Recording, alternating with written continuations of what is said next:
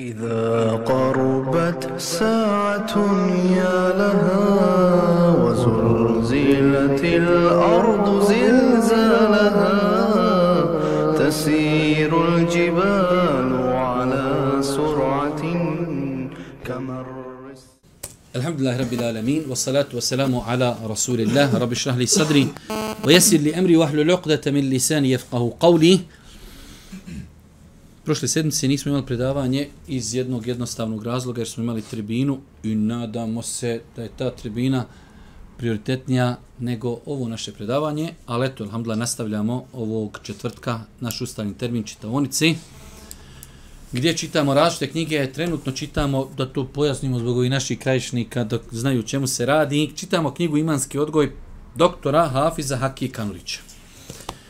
Dosta puta smo govorili da je to jedna izuzetno, izuzetno kvalitetna knjiga i vjerujte, ali opet bez pretjerivanja i bez imalo bacana prašni u oči, jer ja svaki ders prije nego što dođem ovdje dobro iščitam ono što trebam i mnoge informacije provjeravam, tražim komentar, čisto jednostavno da bi imao vam nešto dodatno kazati, jer svako može čitati knjigu, uvijek želimo znači nešto novo da vam kažemo u komentaru i doista svaki put sam sve više fasciniran kvalitetom ove knjige, jer mi živimo u takvom podneblju gdje jednostavno imamo kon, e, svakodnevno kontakte sa nemuslimanima.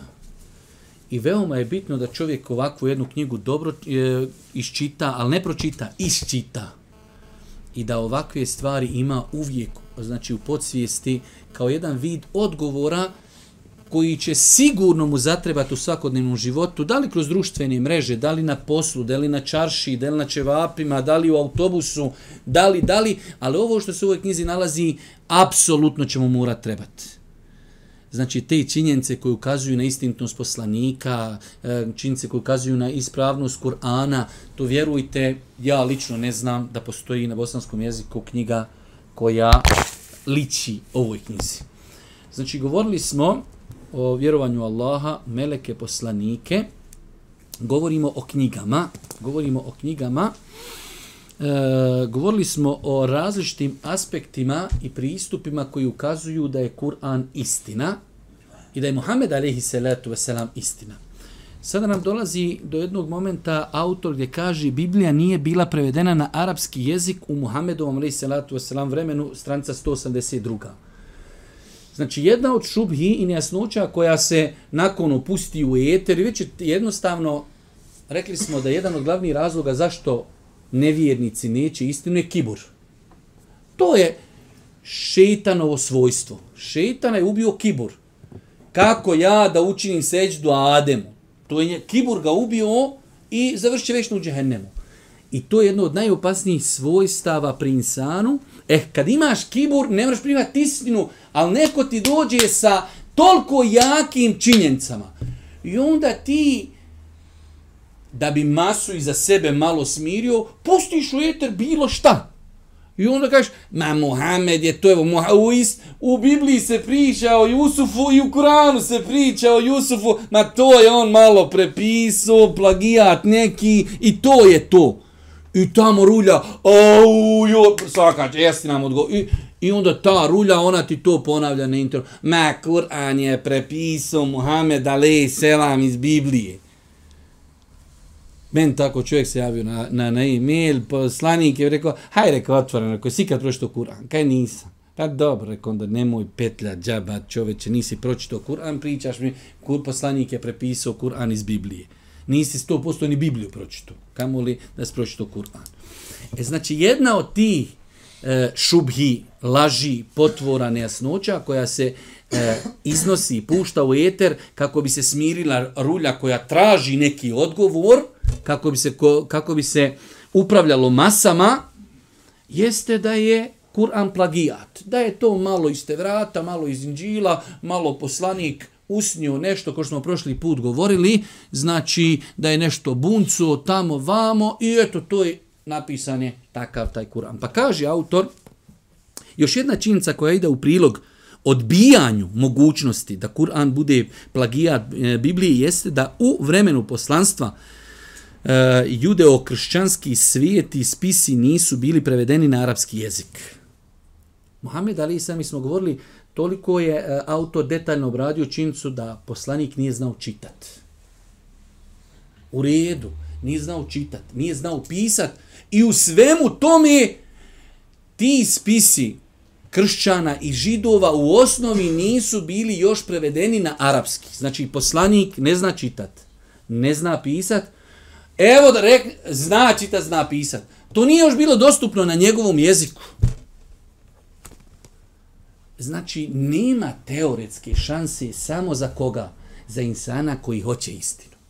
Onaj ko neće istinu, znači mi smo do sad, ja mislim kroz ovu knjigu, minimalno jedno 50 puta nakautirali čovječanstvo, da se ono okreni osam puta u ringu, izleti iz ringa činjencama naučnim. Sjetite se kad smo govorili o mogućnosti, kad, se, kad smo odgovarali ateistima o mogućnosti da je zemlja nastala sama po sebi, da je to broj koji se ne mere napisat nikako, ne postoji toliko nula kao se na planeti poredili, ne može se napisat, To ti je šta je to? To je nakaut čovječanstvu. I ovo su sve nakauti. Nakaut je bio kad smo govorili o jezičkoj mogućnosti. Evo, kažete vi poslanike bunco i izmislio Kur'an. Ha evo vi nemojte bunca, budite budni, lagano, naspavajte se, 24 sata spavajte. Krenite osana paurina, naspavajte se, i okupite se svi na planeti i još anamo njih zovnite i džine i šetane, da vi jednu suru, evo on je izbunco Kur'an i svi šuti. A to je na kao čovječe da smo vas nakautirali, ali vi nećete prihvatiti istinu. To je problem. I ovo isto. Tvrditi da je Muhammed alihi selam u toj meki, u toj historijskoj fazi vremena, koja je bila na margini civilizacije iščitavao spise koji nisu na njegovom jeziku pa pravio plagijat. A ljudi, to je, to je isto da sad kažeš, vidi, ošo je Haso, danas čuva ovce. I on gore na Igmanu, vraća se Haso, nakon 24 sata čuva ovce i nosi iPhone 15. On je znači sad preskočio i 12, 15 i zadan ga lik izmislio. I doj kaže, pa vi moguće. Hodi vam da te nabije mnogo moguće. Nemoj da, da pred činjenicama nemoguće da ga haso za ovcama danas izmisli, brate. Jer ne može ga japanac izmisliti, on ga godinu dana montira da malo ga samo pojača. Ti kaže, haso ga za ovcama izmislio. Ma nemoguće. I o tako isto moraš privati činjenicu. Nemoguće da je Mohamed Ali Selam napisao Kur'an. Pa kaže, jedan od najjasnijih dokaza da u vremenu poslanstva na arapskom jeziku nije bilo biblijskog teksta jeste činjenica da neprijatelji Muhameda nikada nisu spomenuli da je postojao takav tekst. Mi smo uzeli jedno veliko pravilo. Što god Kurešije u to vrijeme nisu prigovarali Muhamedu, brate, zašto? Zato oni su se toliko protiv njega borili. Atentati, Bedr, Uhud, Ahzab, bitke se ljudi biju, tu se potežu svi mogući dokazi da srušiš nekog. Oni to njemu nikad nisu rekli, ti su to prepisao odnekli tamo. Znači, jednostavno činjenica da to nema svoju težinu. Sjećate se onog momenta i danas sam dodatno to istraživo, eto jednu, da kažemo, mahanicu, oni, pazi, poslanik ali se letu selam Kurešija iz Mekije njegovo porijeklo je čisto ko suza. Oni nisu mogli naći u toj svojoj mržnji ništa u njegovoj, znači, lozi, a ne mogu reći Muhammed. Fino. Ne mogu reći poslanik. Ne mogu reći El Emin, povjerljivi. Što će mu reći?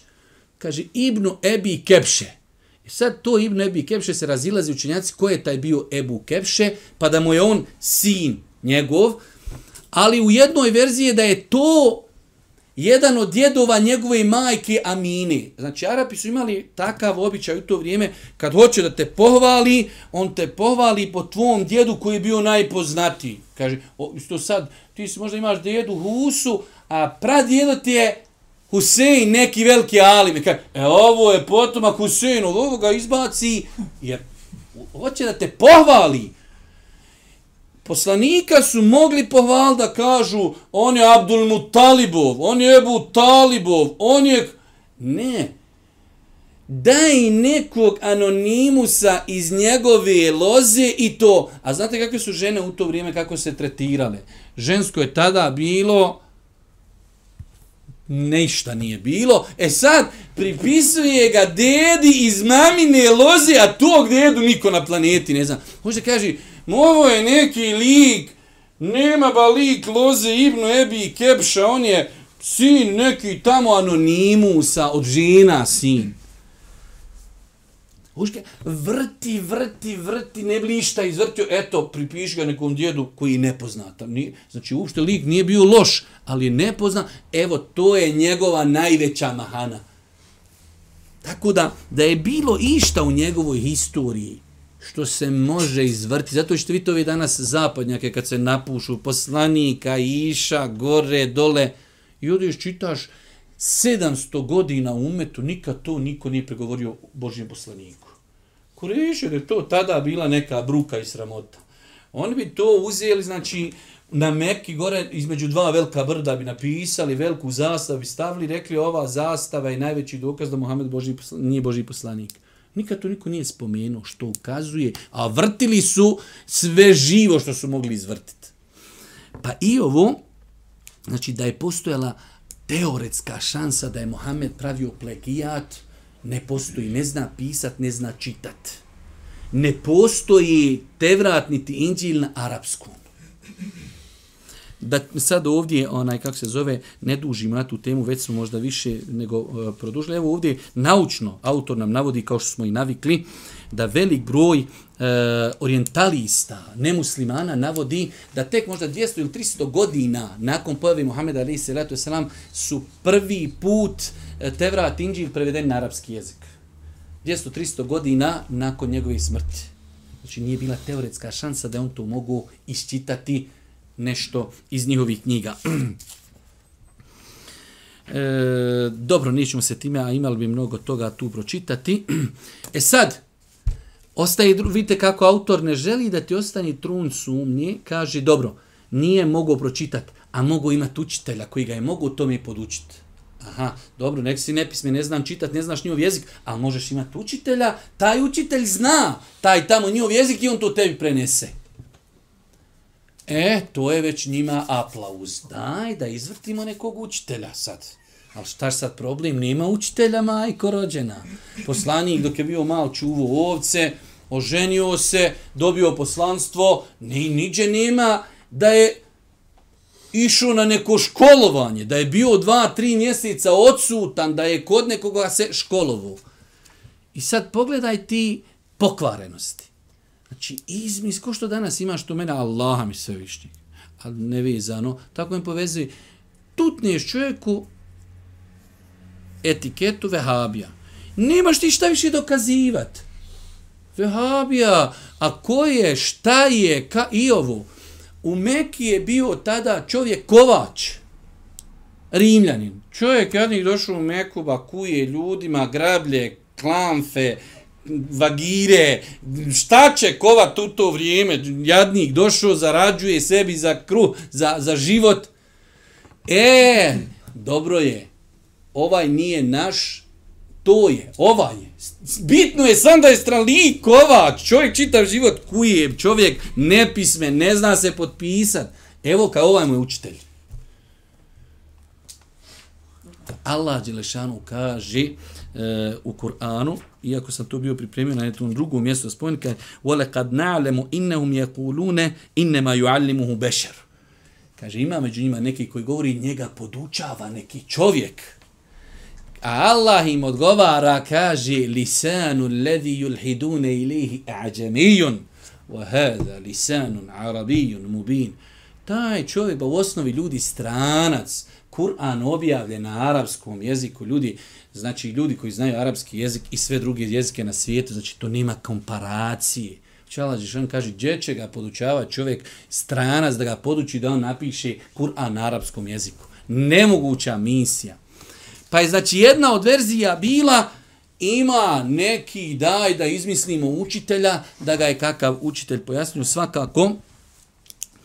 E, da ne postoji nikakva historijska teza koja bi mogla direktno ili indirektno ukazivati ovdje autor naveo dosta, dosta citata e, koji potvrđuju tu činjenicu e, da Boži poslanik Ali Seletu selam nije poznato u historiji e, i njegovoj biografiji da je u bilo kojem periodu negdje odsustvovao da se ne zna gdje je bio, da je znači bio odsutan, da bi se to moglo reći da je u tom periodu nešto od nekoga učio. Kaže evo ovdje autor primjer radi detaljno poznavanje teoloških doktrina i propisa neke religije ne može se postići preko noći.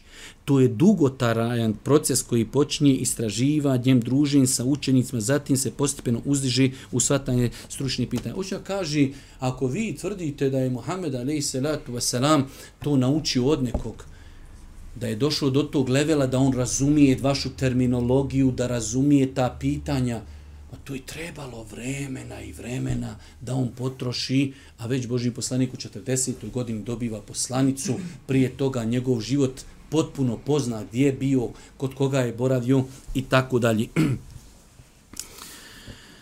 E, ovdje nam autor isto navodi tezu, interesantnu tezu, a to je da, i to je svojstvo židova u to vrijeme bilo da su oni, Znači Meka je bila tako geografski pozicionirana e, da, su, da je uticaj židova tu postojao, pogotovo kada je u pitanju Medina, ali e, uticaj kršćana je bio izuzetno slabašan.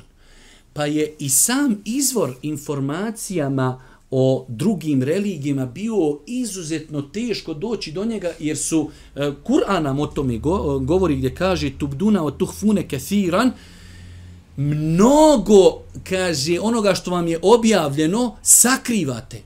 Oni su poznati bili, pa i danas dan ako treba, da prikrivaju svoju vjeru.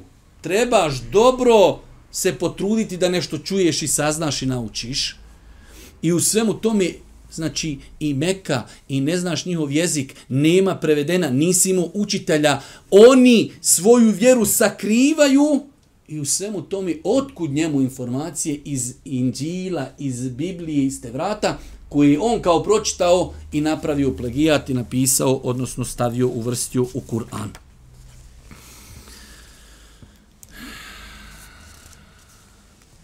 Znači, evo imamo na 186. stranici, o tome autor govori, kaj neki savremenici Allahog poslanika tvrdili su da poslanika poučava jedan mladić porijeklom Rimljanin koji se bavio kovačkim zanatom. Naravno, nemoguće je da na, e, neuki e, stranac bude učitelj Muhammedu, čija knjiga otkriva precizne tajne dvije vjere – e, vjera islam je raskrinkala mnoga, mnoga prije, mnoga pitanja e, koja su iskrivljena u kršćanstvu, iskrivljena u židovstvu i to da ti naučiš od nekog ko, kovača koji jadnik, možda ti ovako ko sad neki naš čoban, morate nešto ispričati neku hićaju o poslaniku, ali i selam, išao je poslanik neku, bio je neka hijđra, pa neki pauk ispleo neku mrežu, on se sakrio, To možeš pričati neki čo... E tako je taj kovaš ti je mogu nešto ispričati o Isusu, nešto ti je mogu o Savu ispričati, neđe nešto bilo.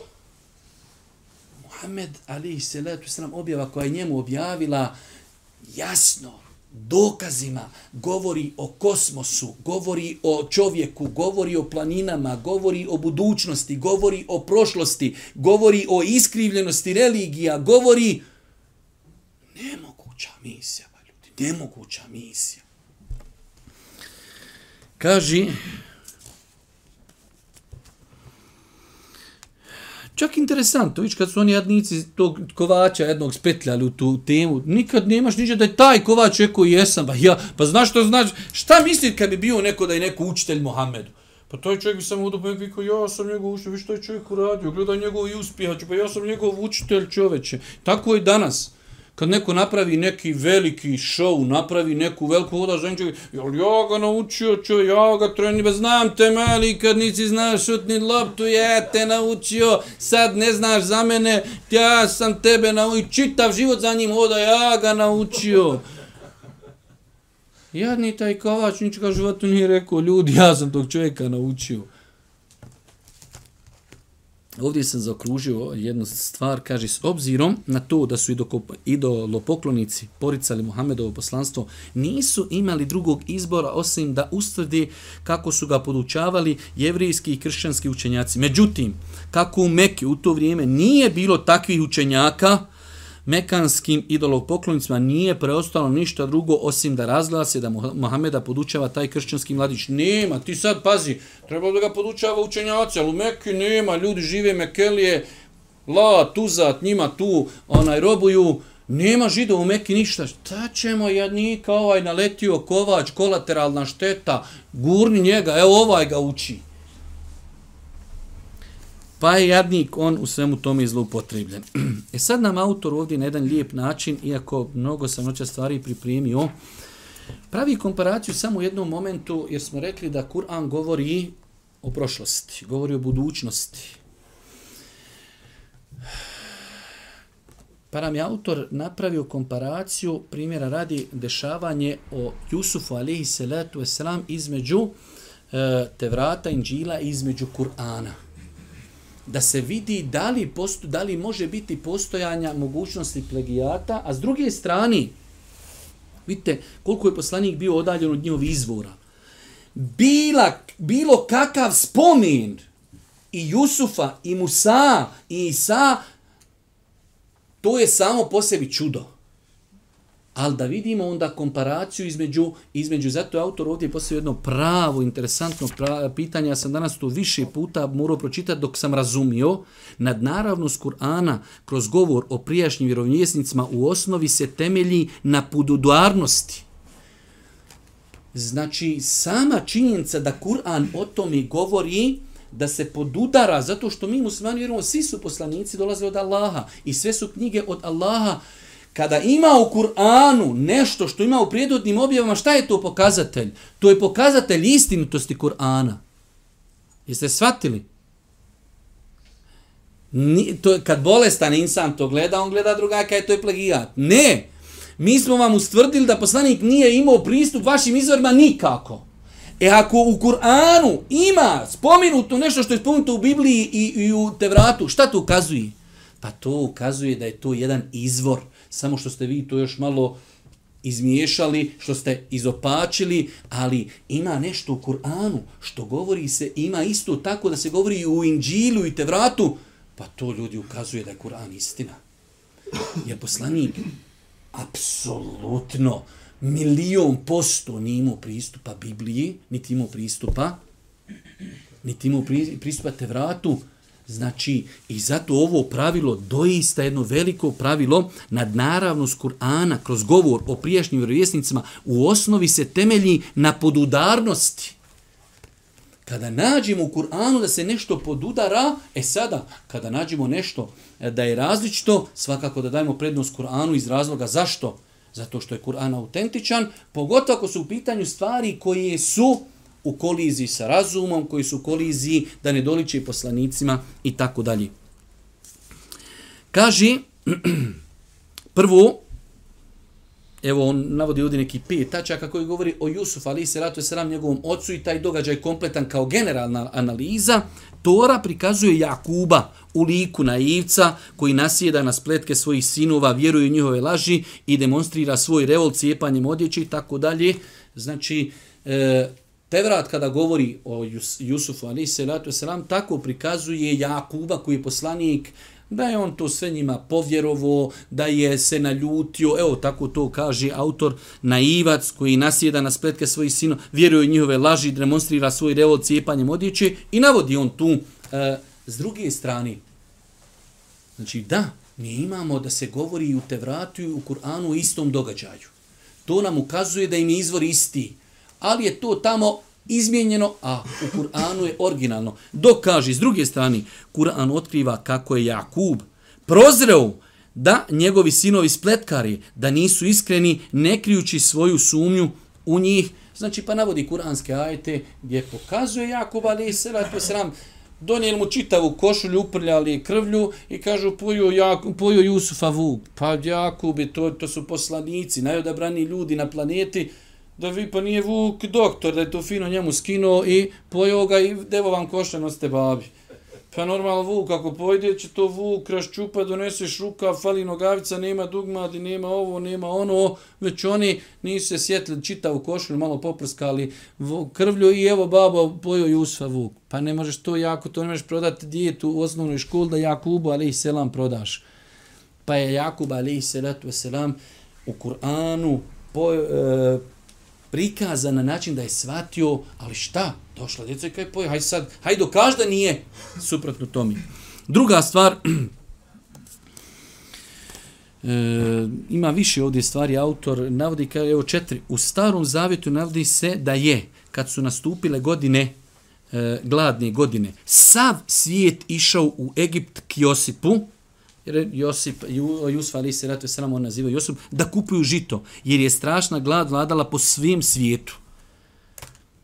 Znači, e, historijski, ovo, hoće autor da kaže ukazivanjima o Jusuf ali se letu selam, imate historijski netačne činjenice za razliku od Kur'ana gdje govor o Jusufu nigdje ne navodi činjenicu da ta glad koja je nastupila je bila opće karakter. se odnosila glad koja je bio e, vladar Egipta vidio i to se odnosilo većinom na predio Egipta. Ali nije tada svijet e, koji tada bio poznat da su ljudi iz drugih prijedjela dolazili u Egipat po hranu, pa ovdje jedna od, hajde da kažemo, e, kako to autor navodi, e, historijski netačnih činjenica, ovdje se kaže, pa je, kaže, po svom svijetu, cijeli svijet je tada, kaže, zadesila suša, što e, historijski nije tačno, kaže, ta je tvrdnja znanstveno i historijski neodrživa sa aspekta znanosti jasno je da autor ovog teksta nije znao da je kopno mnogo veći od projekcije koju je imao u svojoj glavi jer je nelogično e, da ljudi na primjer iz Europe ili sa sjevernog pola putuju u Egipat kako bi kupili pšencu u danima oskudice i tako dalje. Znači historijski netačna činjenica kako se predstavljao događaj o Jusufu u Tevratu. Peta stvar, u Tori se navodi kako je Jusuf nastanio svoga oca i svoju braću davši im u vlasništvo najljepši kraj egipatske zemlje u kraju Ramzes, Ramzesovu. Kako je faraon naredio. Tu se krije još jedna historijska greška na ime i tako dalje. Ljudi pripisuju da je on dao, vidite, pazite, kad petljaš, ljudi ti nađu sitnice gdje te razotkriju. Dao im je zemlju po našim bosanskom, koja se zvala Lokve. Dođu istoričari, kažu, Lokve se tek od 68. zovu Lokve, prije se nisu zvale Lokve, a Jusuf živio 800 godina prije što ste vi zvali Lokve.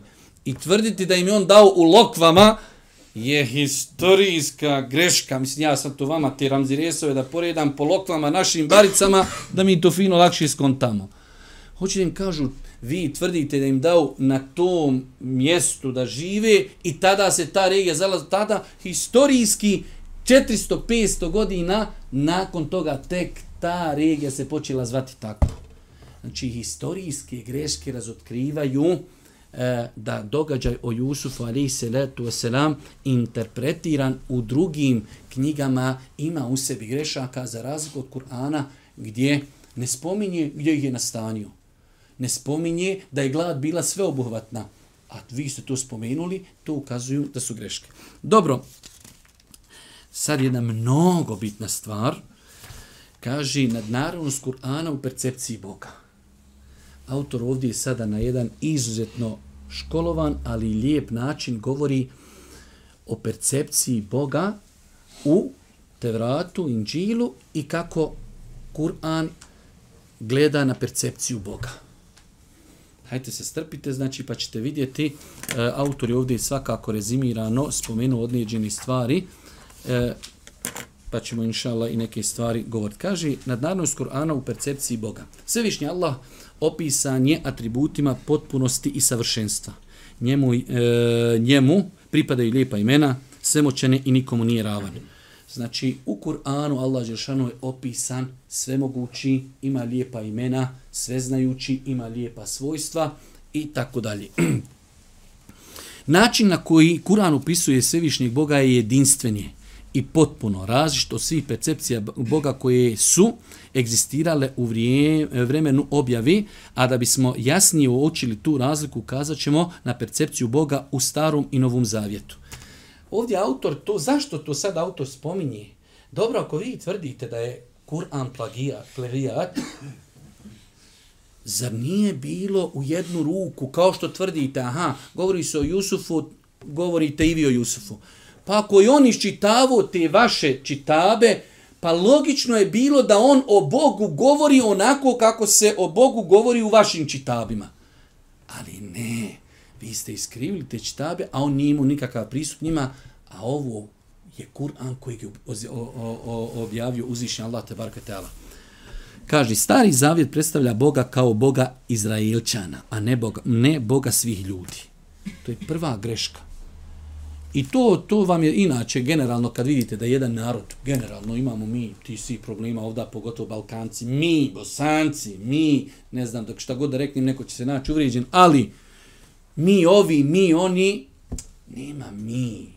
Šta to? Gdje god da kažeš neka pokrajna u njoj ima i dobri ljudi, ima i loši ljudi. U Sarajevu ima Hamelja, nema ga na planeti, ali u Sarajevu ima dobri ljudi koji nema niđe na planeti. U Zenci ima Hamelja kojeg ne mreš naći do Tanzanije. Ali ima dobri ljudi koji ne mreš naći možda u Meki takvi. Ali kako neka, krajišnici, sanđaklije, Albanci, U Albaniji ima ljudi koji takvi nema čoveče u Mekki. Dobri, vjernika, pošteni, moral. Ali ima i mafije, vole drogu više nek što vole zemzem vodu. Jer sad zbog ovih drogeraša treba da ispaštaju jadni ovi dobri. Ali kad gurneš sve u jedan karton, svi se zajedno kopilići davi. Pa kaži, Stari zavjet predstavlja Boga kao Boga Izraelčana, a ne Boga svih ljudi. Izraelči su posaban, odabran narod, Boži miljenici, dok se nad ostalim narodima nadvila Božja srđba i gnjev. A sve skoro obrnuto. Tako Bog Izraelčana dozvoljava svom poslaniku Jošovu da proljeva krv drugih naroda bez ikakvih moralnih normi samo kako bi udovoljio svom razmaženom sinu Israilu. Bog je prema starom zavjetu ekstremno krvoločan, a Allah je čist od svojstva koja mu se lažno pripisuju. Čitajući stari zavjet, čitaoc, čitaoc će uvatiti jeza i mm, grozit će se kada vidi kako Bog dozvoljava krvoproliće i na njega posjeće i tako dalje. E, ovo su sad ovdje neki citati, ali evo, e, autor je tu na 193. strani, e, kaže, osnovna obilježja kršćanske percepcije Boga. E, znači ovo je sad, navodio autor mnogo ti nekih, e, sve je to sa izvorom. Rekli smo, autor je mašala, školski uradio, knjiga postanak, knjiga postanak, vidjeti i tako dalje. Broj stranica. Osnovna obilježja kršćanske percepcije Boga, da bi to poslije uporedili sa islamskom percepcijom Boga. Opet vam kažem zašto ovo autor navodi. Hoće da kaže ovo je percepcija Boga koja je tada bila prisutna na planeti. Ako vi tvrdite da je Mohamed prepisao nešto iz Biblije, pa logično je bilo da najbitniju stvar prepiši. Reći, pa će ja sam prepisao malo Jusufu, malo ću Ibrahimu, malo ću Musavu, a Boga mi ove ću neke stvari priskočiti. Pa nema ljudi, nemojte tako. Najbitnija stvar je u objavi govor o Bogu. To je najpre, najpreće to treba prepisati.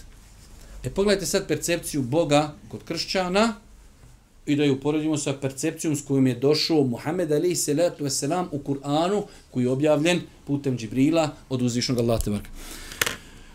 Biće stvari koje ne možemo razumjeti, ali vjerovatno je tu problem kod nas, pošto mi ne znamo puno ove stvari, pa ali vjerovatno ima i neki koji se ne mogu ni pojasniti.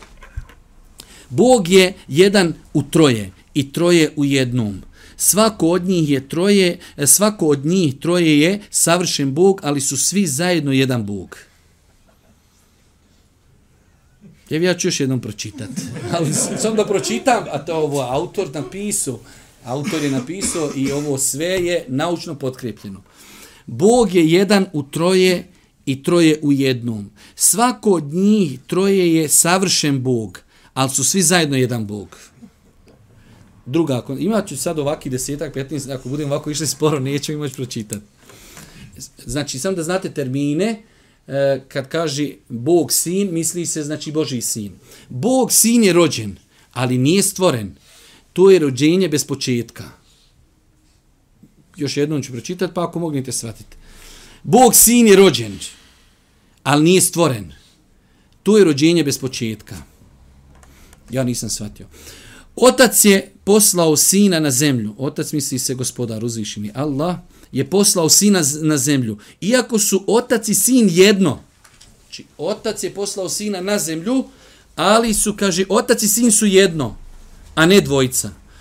Onaj ko je poslao i onaj koga je poslao su jedno, ali su oni ipak dvojica. A znači kako je kod, mislim, hvala Allahu, sve, Allah mi sve višnji. Wallahi, wallahi, ovo kad čitate, samo pas na seđdu. I samo zahvaljivati Allahu na uputi. Allah mi sve višnji. Kod nas pročitaš kul huvallahu ehad i hodaš, jasno ti, znači, jasno ti, vidiš ovda do do Tanzanije. Sve ti jasno čoveč u životu. Kul huvallahu ehad, Allahu samed lem jelid, volem julid, volem je kulle kufuve nehad. Ono, moraš bit na 1694. pokvaren, da kažeš, e, meni ovdje nešto nije jasno. Ne, sine, izađeš iz vrtića šesti godine, proći ljudi, ljudi kod val, kažeš, šta je ljudi jasno kod dan. A pogledajte šta ljudi vjeruju i šta ljudi govori. Allah mi ovo nije nikako da nekoga čovjeku maložan ti smijava.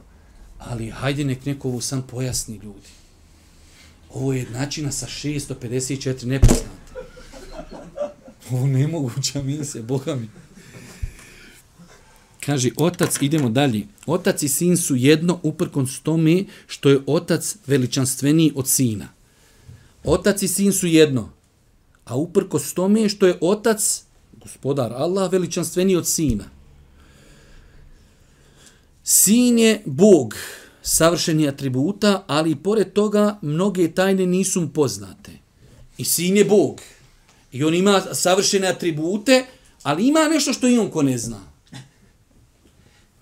Dobro. Sveti duh, to je sad treća komponenta, sveti duh je Bog, savršeni atributa, koji putuje između neba i zemlje treći od trojici i jedan u trojnom monoteizmu. Trojstvo je esencija i srž vjeri, ali i pored toga ni jedan vjerovjesnik nije tome pozivao, niti je ikada jasno rekao da je Bog trojni. Znači, vazite, temelj sada kršćanstva je trojstvo. To je sve se grana iz trojstva. Dokaj, ali de, pa ako vi to tvrdite, znači to je, to je obaveza cijele planete, to je od Boga, Bog je jedan u redu, svi poslanici u tome je trebali da pozivaju. Takva je naša percepcija, naša percepcija, ovo na čemu je Muhammed, na tome su bili svi od do Adem, ali i selam. Ako je i vaša percepcija, dajte nam neđe da je nekad neko rekao da treba vjerovati u trujstvo. Sad se opet vraća autor, kaže, Bog sin, Kad se kaže Bog sin, misli se na Isa, ali se ratu sam. Poslan je Israelđanima kojima trojstvo nije bila po, e, e, koje trojstvo nije bilo poznato. Ali i pored toga nije ih obavijestio o toj doktrini. Pazite, poslat to je srž vjeri, a oni o tome nije obavijestio. I dalje, još gori od toga, ali i pored toga nije ih obavijestio o toj doktrini ili kojom logikom da riješe problem oprečnosti monoteizma sa trojstvom?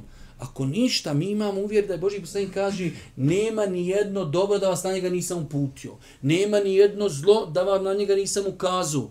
Dobro, poslanik, ako si poslan poslanik, de nam riješi doći nam poslije ovi neki izbosni kažu to neko trojstvo ne kontamo. Kako ćemo iskonta da oni skontaju to trojstvo?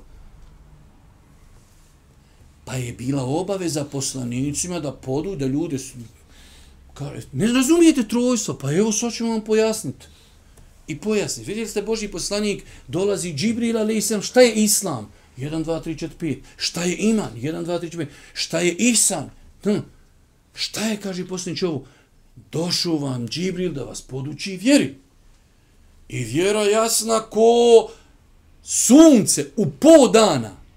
Zar ako, ako je toliko to bitna tema, iz nje sve izbija, na nju se sve nadograđuje, Zar nisu trebali to poslanici pojasniti da to bude ko kod nas, kul Allah, ehad, da se uči na svakom rekiatu, čovjek, da to svi znaju pojasniti. Kod njih koji sretneš najveće učenjake, zapetljaju se kad to počnu pojašnjavati. Dobro, dobro. Kaži, sad ovdje povezuje autor, hoće da dođe do onog momenta iskupljenja za grijehe. Bog je uzeo zavjet od svog vjerovjesnika Ibrahima kako bi se njegovom potomstvu pridržavalo vjerozakona da bi na takav način živjeli e, čestito i dostojanstveno. Međutim, Bog je iznenađen činjenicom da je čovečanstvo toliko pokvarano da se ne može pridržavati stavki tog zavjeta. Bog je iznenađen da se ljudi pridržavaju toga. Allah ja ne znam kod čita to, trebaš ti, ak Igor reče, še i rekao, ove neke stvari, smiju se ona čitati uopšte. E, kaže, sad nadograđuje se druga teza. Pritom je se Bog našao u nezavidnoj situaciji s obzirom na to da je ranije odredio da se grijesi mogu oprostiti jedino prinošenjem žrtve, ali kako da nađe žrtvu za cjelokupno griješno čovečanstvo, a da ta žrtva bude bez grijeha. E sad, ovi se ne pridržavaju zavjeta, sad kako da se iskupe, e, evo rješenje, Jedini način da se griješnim ljudima oprosti njihovi grijesi jeste da otac Bog žrtvuje sina Boga u vidu žrtve na križu, te da to bude novi zavjet koji se bazira na vjerovanju, a ne samo na dobrim dijelima. To je sad rješenje, ovi se nisu pridržavali, šta ćemo riješiti, imate grijeha, ne možete se iskupiti za grijehe, evo, Bog će otac žrtvovati Boga sina za vaše grijehe. A jadni sin, mislim jadni sin ovdje, ovako u ovom kontekstu jadni sin, ni kriv ni dužan, a sad on će biti žrtva, a s druge strane, vi koji ga budete žrtvali, vi ste griješni, što ste ga razapili? A trebate ga razapijet da bi se iskupili. Ali ako ga razapnijete, vi ste griješci. La haule wala kuvete illa billahi la lil azim. Bog sin se sklonio stakfiru. Ne mogu Allah se sjel to da mi se stakfiru. Avze ti me nasmijaš Allah te puti. Kaže, Bog sin se sklonio i pokušao sakriti od svojih neprijatelja, kada je otkrio njihove spletke protiv njega i namiru da ga uhvate i ubiju, te se molitvom umiljavao Bogu ocu, tražići od njega skrušenog poštedi te kušnje. Ajde, dobro. Ko, ko bude vjerovao da je Bog sin ubijen na križu zbog greške koju je počinio Adem i grijeha drugih ljudi, taj je spašen. A ko u to ne vjeruje, upropašten je. Dobro. E, pogledaj, Bog otac žrtvovo je sina Boga kako bi se čovečanstvo spasilo i kako bi se ostvarila pravda. Ostvarujemo pravdu kako? Iako je time uništen uništio svoga sina koji nije učinio ništa loše. Pravimo pravdu, evo hoćemo da napravili su ljudi neku tamo budalašćinu i da bi se oni sad riješili budalešni, hajmo mi ovog sina jednog žrtvovat, kao hoćemo mi pravdu, a njega napravdi Boga, osudi smo. Allah, mi sulje, moraš ti to skontati. Samo da kažu da je poslanik. A lako, ali vi je to je, bježi, e, samo bježiš od jedne činjice. Bježiš da kažeš bio poslanik. Bježiš da kažeš da je nimao božanski svojstav. I mi, završena sva, završena sva priča. Idemo dalje.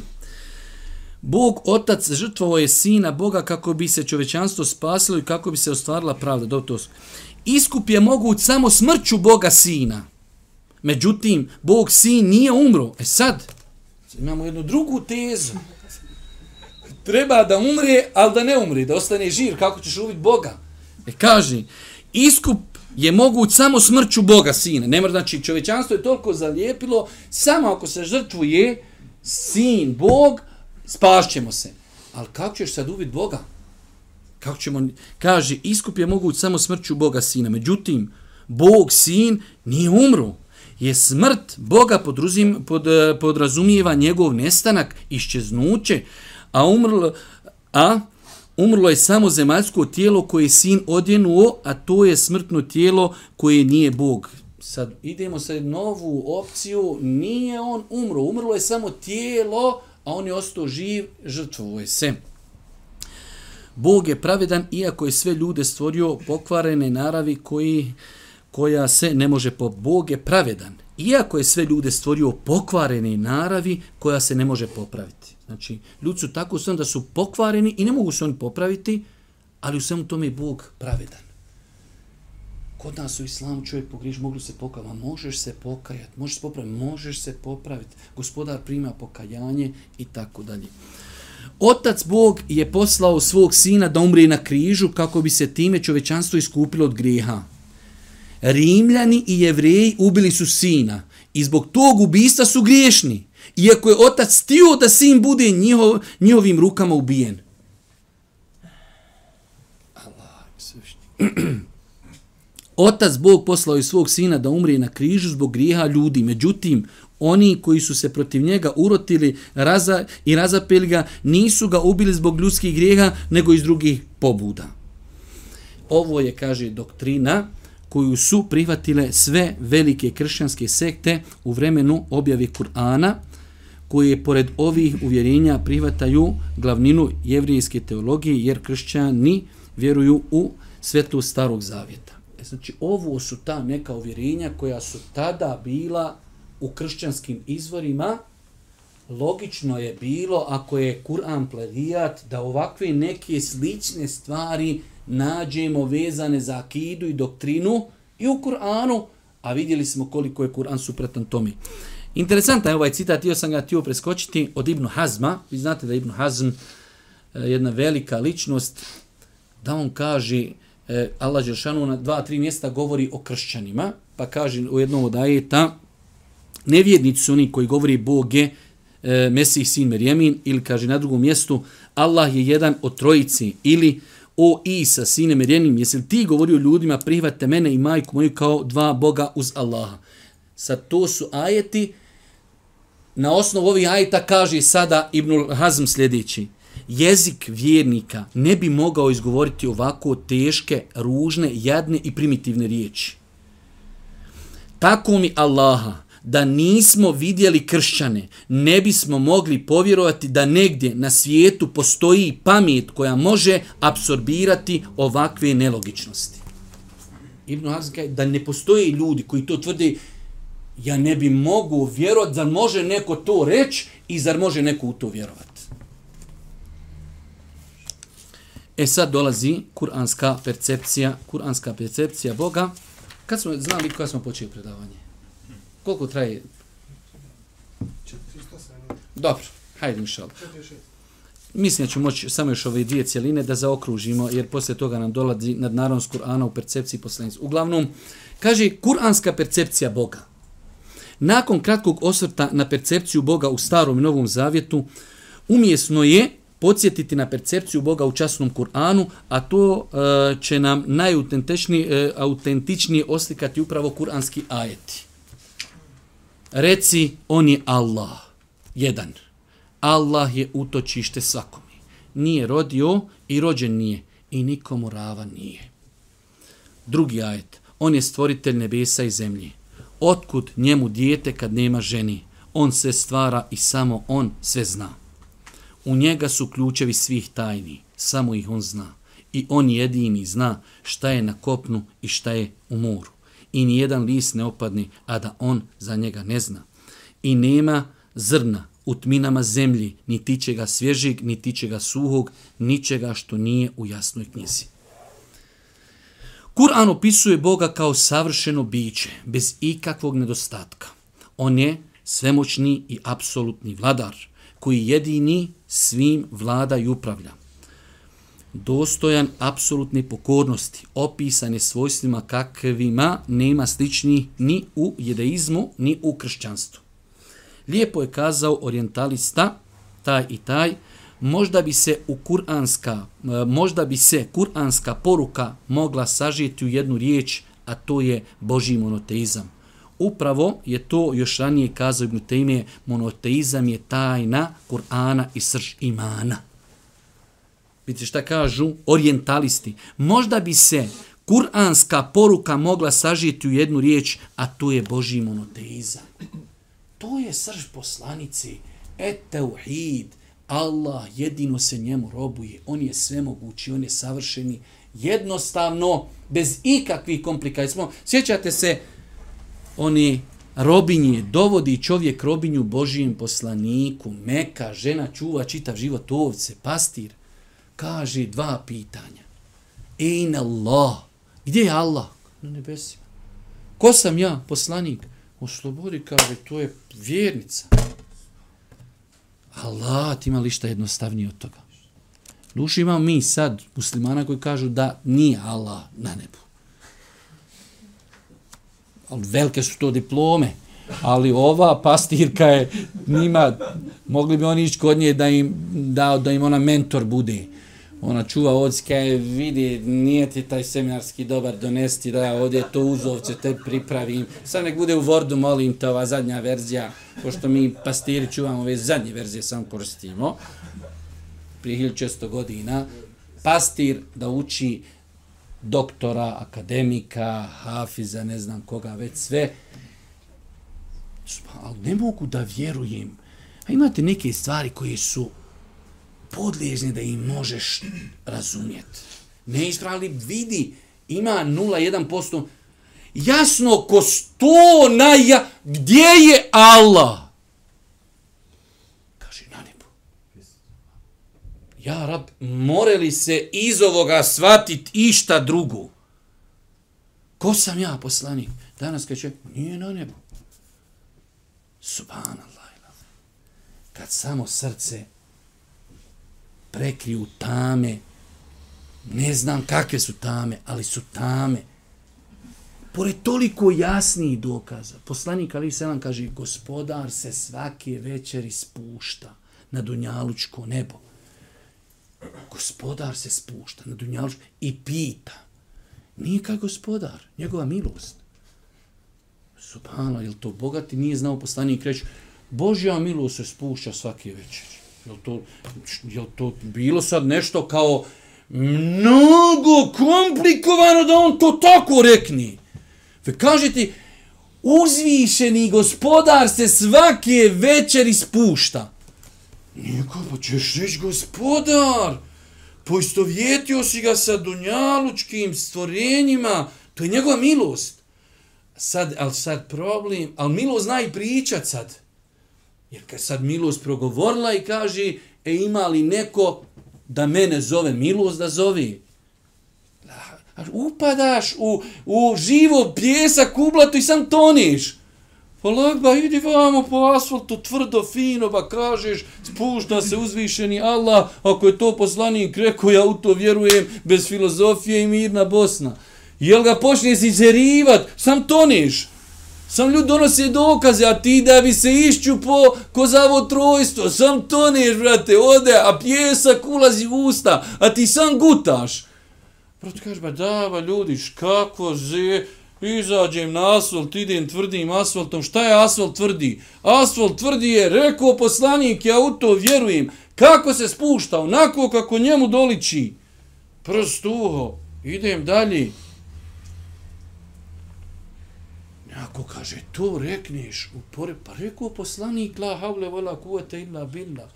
Žena pred poslanikom rekla da je uzvišen Allah na nebu i poslanik odobrio kaj mu'minka. Šta misliš da sad ovi naše, da je došla ta žena tu, šta mi rekao, ma ne oslobađaj, ta je u daleletu.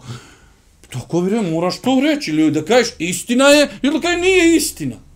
Što će sad da je neko od nas došao, imam ja neku tu robinju, je ova vjernica, gdje je Allah, na nebu? Ma dolalet vehabika, vehabika čoveče, to je vehabijska akida. To su od Ibn Tejmije prokljetog naučili. A ja, pa tako, tako ti oni, kad nestane dokaza, samo Ibn Tejmiju gurneš i ha, moraš kroz ta vrata protureš šta god hoćeš. Sve su to, kaže, on od Ibn naučili. Kaže, o Allahovim svojstvima, uh, govori autor, uzvišeni Allahom posjeduje lijepa imena i svojstva, uzvišena, nedosta, uh, uzvišena, nedostatak i mahana od njega ne, e, ne doseže i ništa mu nalik nije. Nima mahana, nije mu ništa nalik. Čak poslušajte, subhanallah, sam papa Ivan Pavao II, to je priznavao kazavši nekim najboljim imenima u ljudskom jeziku nazvan je Bog u Kur'anu. La haule wala kuvata illa billah.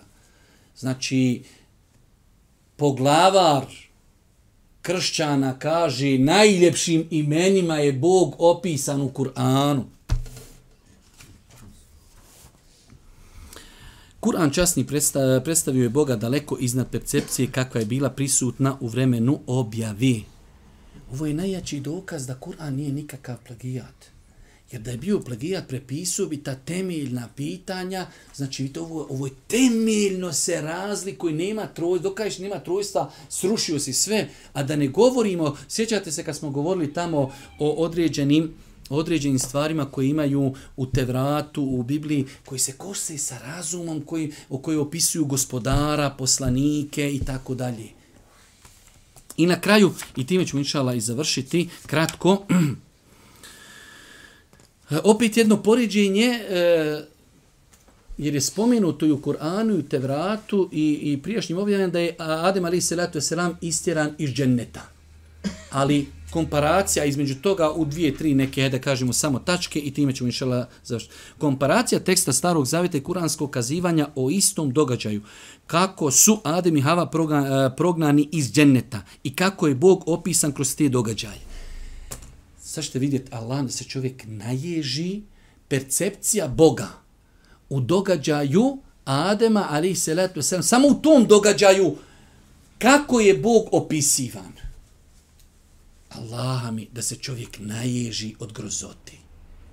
Kakva se svojstva Bogu pripisuju? Kaži prvo, kazivanje počinje kako u starom zavjetu, tako i u Kur'anu, govorom o zabrani jedenja plodova drveta.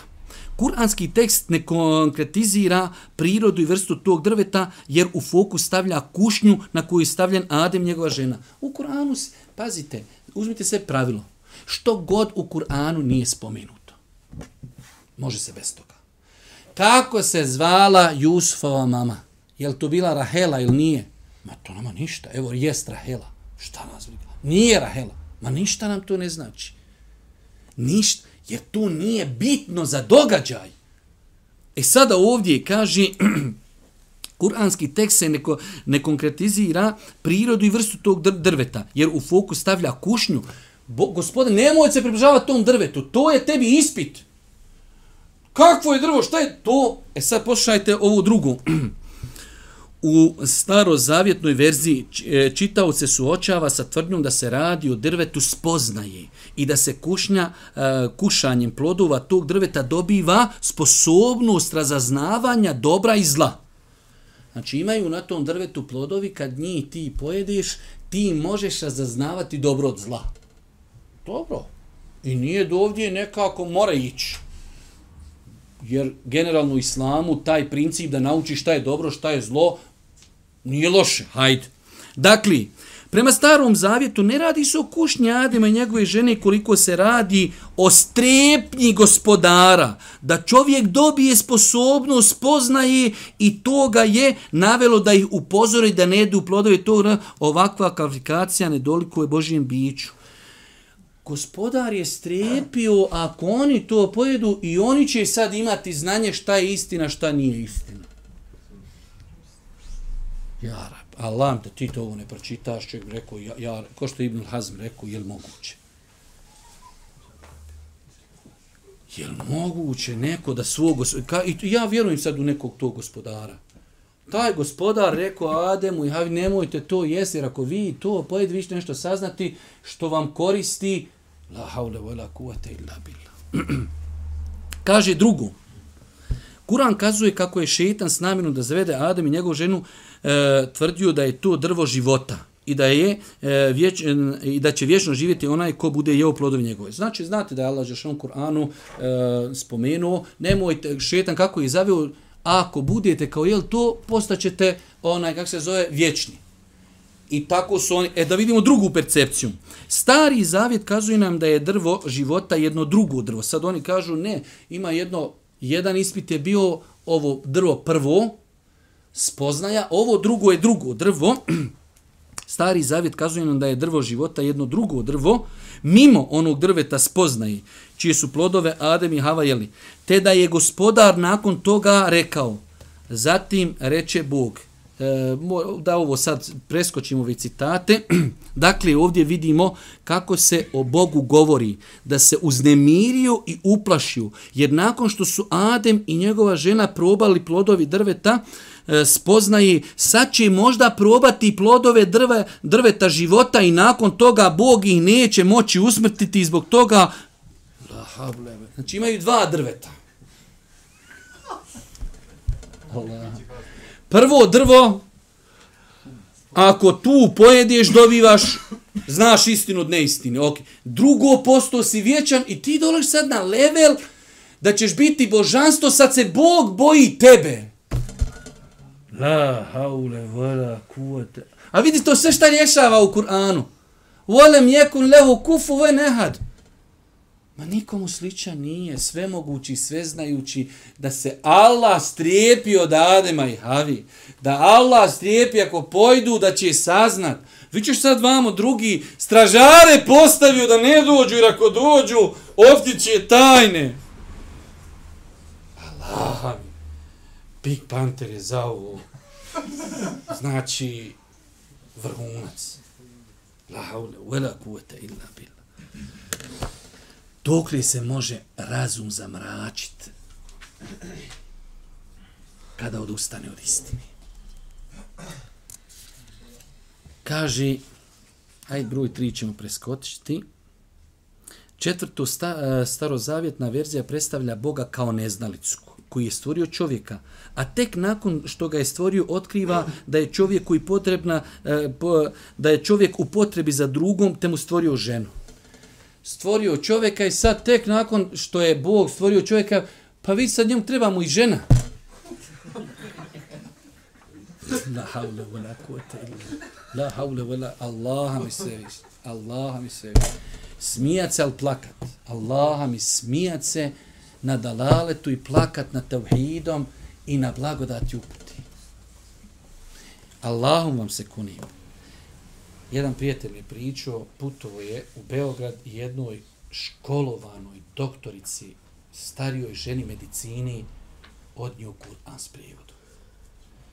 I nakon što je, kaže, nakon mjesec dana je se vratio i kaže njoj, ajde, možeš mi dati svoj neki utisak o Kur'anu. Allah, evo sad ću, evo, ali pojenta je slična, vidjet će. Kaže ta žena, a čovjek mi priča, znači ovo je rivajet, prvi čovjek, nema lance prenosinaca. Ja kaže, ona je rekla u množini, ali evo ja ću reći u jednini, kaže, ja ne mogu da vjerujem da smo mi tolike budale. Kaže, subhanallah, ja sad kontam, šta li ona našla da, da, da vi, kaže, bosanci, bošnjaci, muslimani, živite toliko blizu nas a da je toliko ta istina Kur'ana daleko od nas, da smo mi toliko ustrašeni tom istinom, da ste vi toliko, da smo mi zastrašeni vama, a toliko imate jasnu istinu. I pogledajte ovo i sad mi se evo sad sjedimo i ne možemo se, Allah mi, a nije zlo, ne možete se suzdržati od smihotiki. Ali tu su ljudi, vi tu imate sad možda ja garanciju osam kuća dole uzdužno i poprično ćeš naći ljudi koji uvo vjeruju. I živi čovjek sa tim. Ja, ja ne mogu da vjerujem da neko živi po ovome. A ljudi, evo vam izvori non stop čovjek navodi izvore. Da ljudi žive u ovakvim stvarima. Šta je bio neki dan, šta je bio neki dan praznik?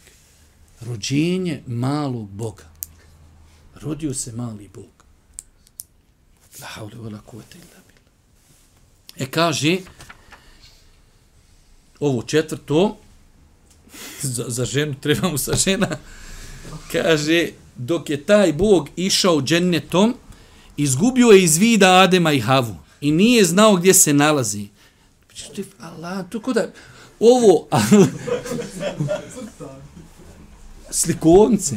Ovo za djecu priče. Bog hodio po dženetu, nema Adem, ja vam se izgubio. La haule, la kuvate, la billah. La havle, Allaha mi sve višnjaka. Allah se. I Ja sad doješ sad tamo negdje dođeš, taj neki baz njihov i sad moraš ovo slušat i da se ne nasmiješ.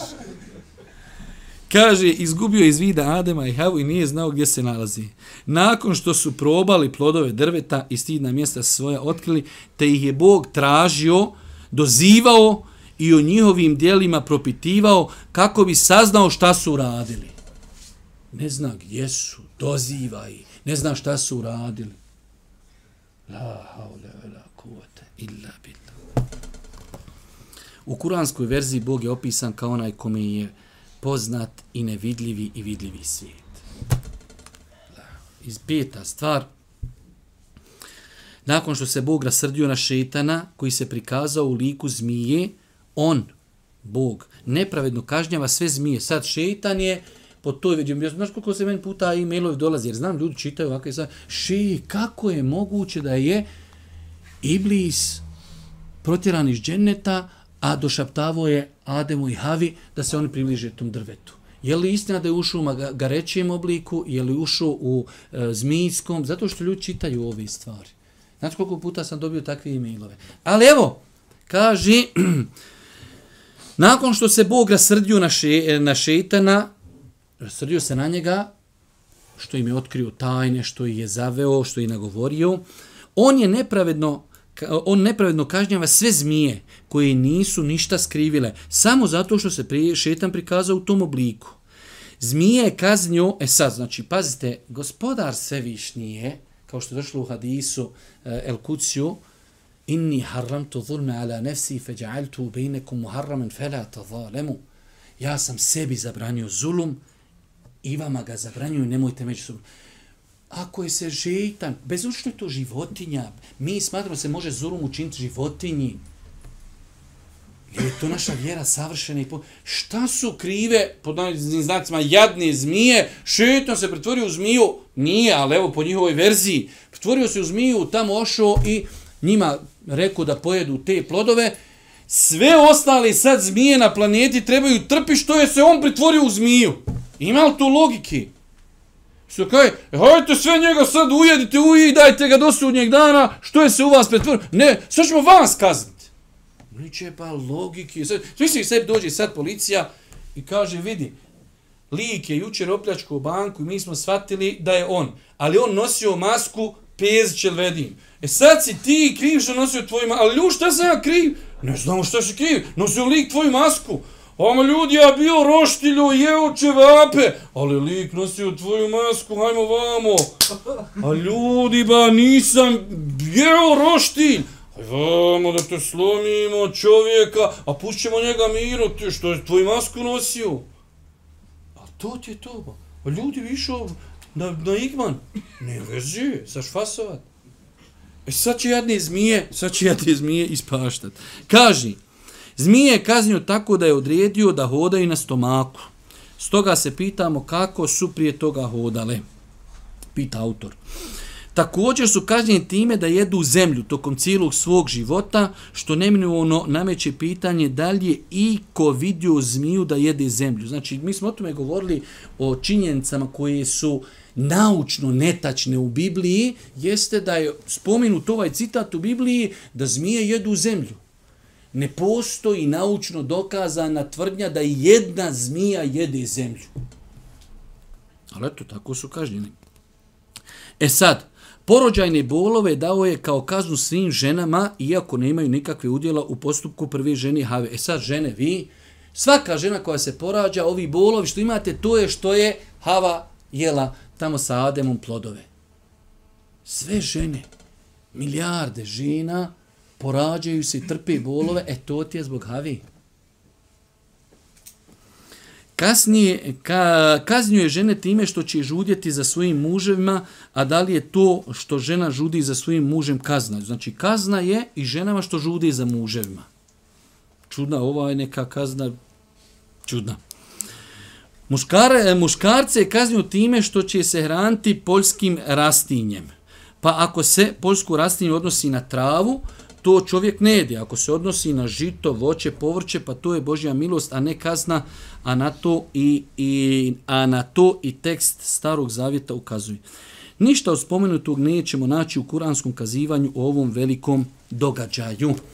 E, ovdje autor opet znači pokazuje, pokazuje samo kroz jednu prizmu jednog događaja koliko imate neispravnu percepciju opisa Boga. Ne zna gdje Adem, ne zna šta su uradili, kažnjava i tako dalje. Sve stvari koje fala uzvišnog Allahu, kad smo odgojeni na to mi da razume to ne doliči Bogu. To ne doliči da se kaže da je to Bog uradio. Allah subhanahu wa ta'ala molim da nas poduči korisnu zanju, molim ga subhanahu wa ta'ala da nam bude milostiv na sudnjem danu i na kraju subhanika Allahumma bihamdike, ešhedu in la ilan stakfiruke ve tubu ilika.